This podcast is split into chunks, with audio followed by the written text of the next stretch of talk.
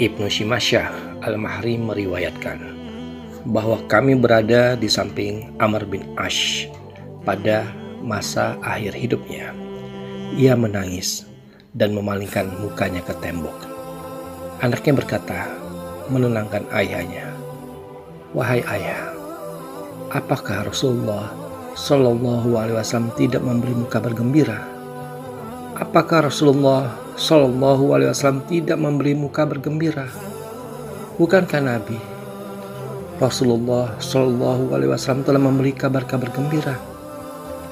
Setelah mendengar hal itu, ia mengembalikan wajahnya ke arah semula, lalu berkata, "Sesuatu yang paling utama yang aku persiapkan untuk kehidupan akhirat adalah bersaksi bahwa tiada yang patut disembah selain Allah dan Muhammad Rasulullah Shallallahu Alaihi Wasallam adalah utusan Allah.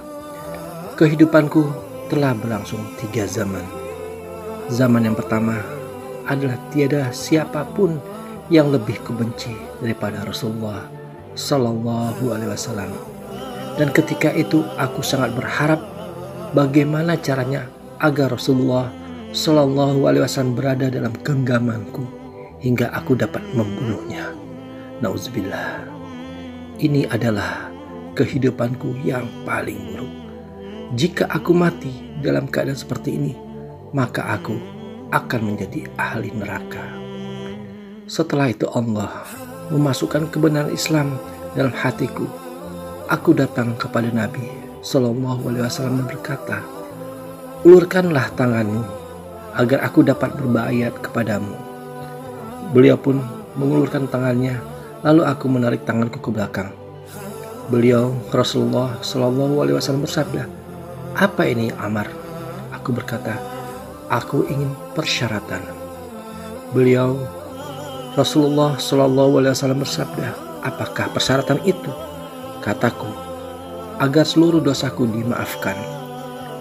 Beliau Shallallahu Alaihi Wasallam bersabda, wahai Amar, apakah kamu tidak tahu bahwa Islam itu mensucikan dosa dalam keadaan kufur dan hijrah juga memaafkan dosa yang telah lalu. Dan haji menghapuskan dosa-dosa yang telah lalu.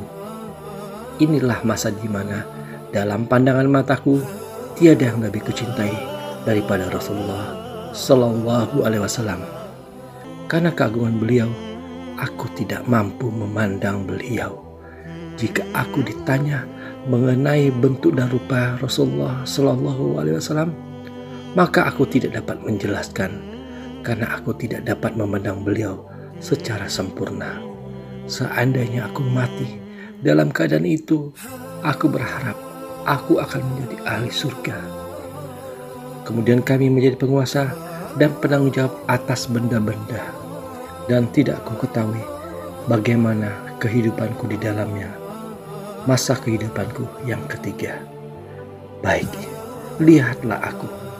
Jika aku mati, maka jangan ada wanita-wanita yang meratapi dan berteriak-teriak menyertai jenazahku seperti zaman jahiliyah dan jangan ada api menyertai jenazahku.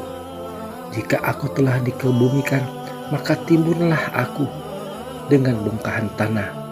Jika telah selesai, maka tinggallah sejenak di samping kuburku. Lamanya sekedar unta disembelih dan dibagi-bagikan dagingnya, sehingga dengan sebab kalian hatiku terhibur dan aku mengetahui jawaban apa yang kuberikan terhadap para malaikat rohku.